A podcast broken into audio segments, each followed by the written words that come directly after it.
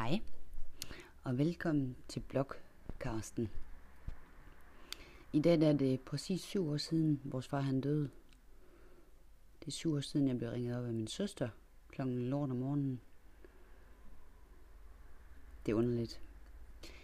Men jeg vil bare lige, ja, jeg vil bare lige læse lidt op, som jeg har skrevet ned for den dag. Sådan som jeg lige husker det. Den dag min far døde, den 29. 7. 2012 var en helt almindelig dag. Næsten. Jeg er i gang med at flytte i en ny lejlighed. 14 dage forinden har jeg brugt tid på at male min gamle lejlighed og min nye lejlighed. I en uge har min ene søster og hendes mand været der hjælpe mig. Og så i weekenden lige op til, der kommer min søster og øh, nogle venner og hjælper med at male og flytte. Og det sidste, jeg så siger til dem, inden de tager tilbage til Nordjylland, det er, husk nu, hvis noget skulle ske med far, så kender I proceduren. For jeg har nemlig i flere år sagt til min søster, at hvis far skulle dø, må de ikke lukke kisten, før jeg har været der. Vores far har et par gange været indlagt, og derfor har det været så vigtigt for mig, at vores aftale gælder. Der går ikke længe, før det er en realitet.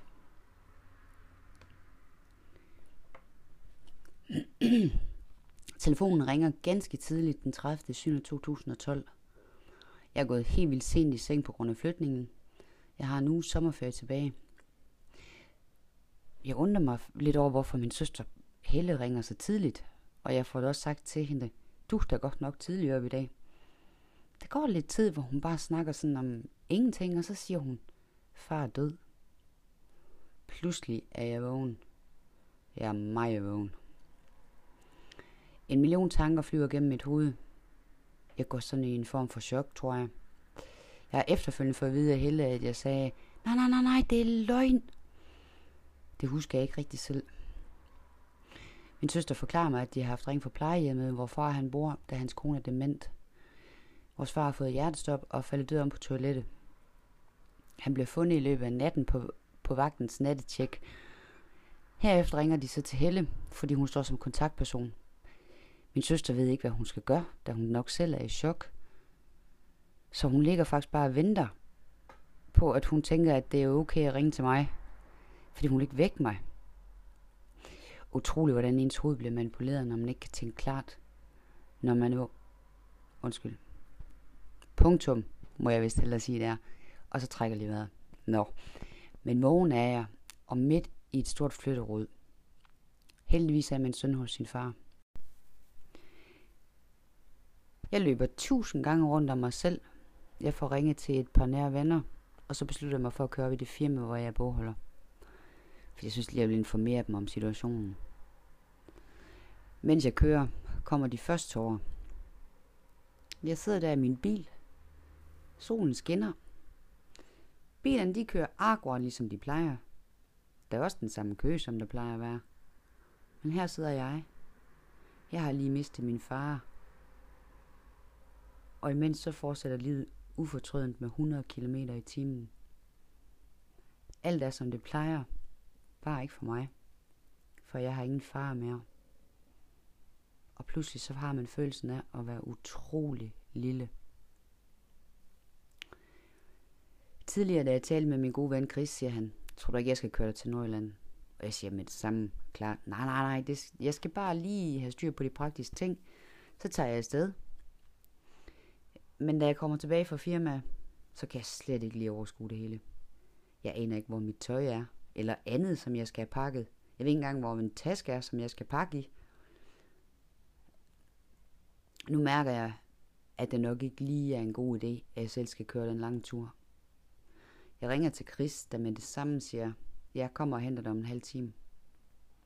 Jeg er ham evigt taknemmelig for hans hjælp.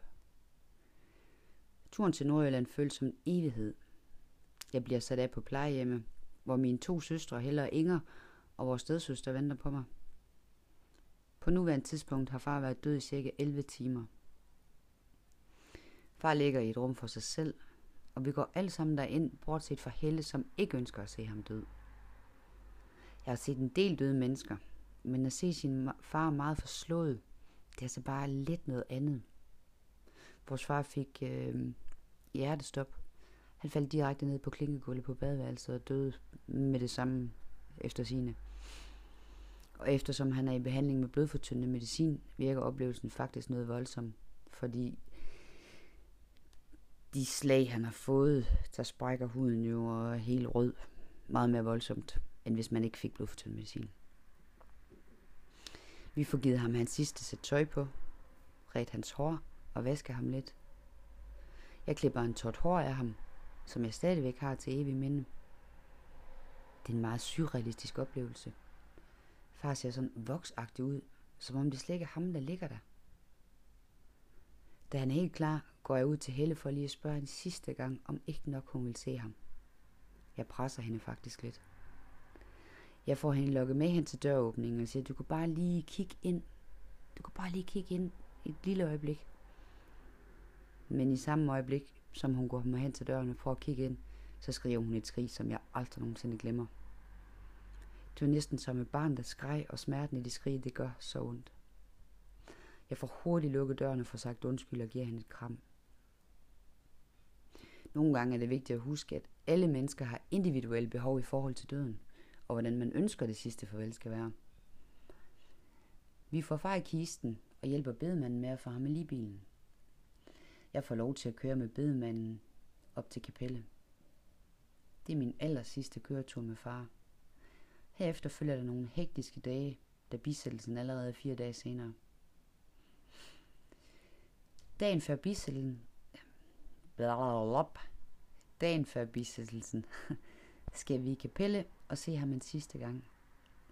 Den oplevelse er så smukkere end tidligere, da han ikke ser så forslået ud længere.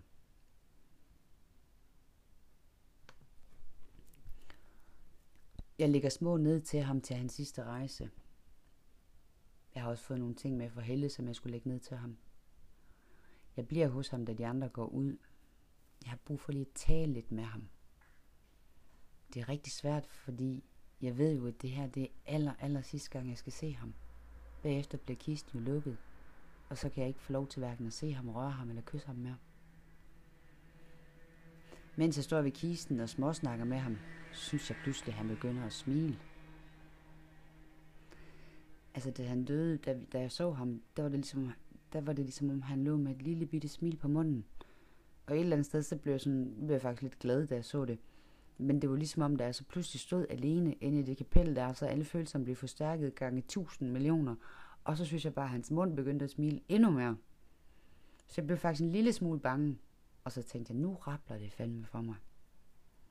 Så jeg skynder mig at kysse ham en sidste gang og gå ud til de andre.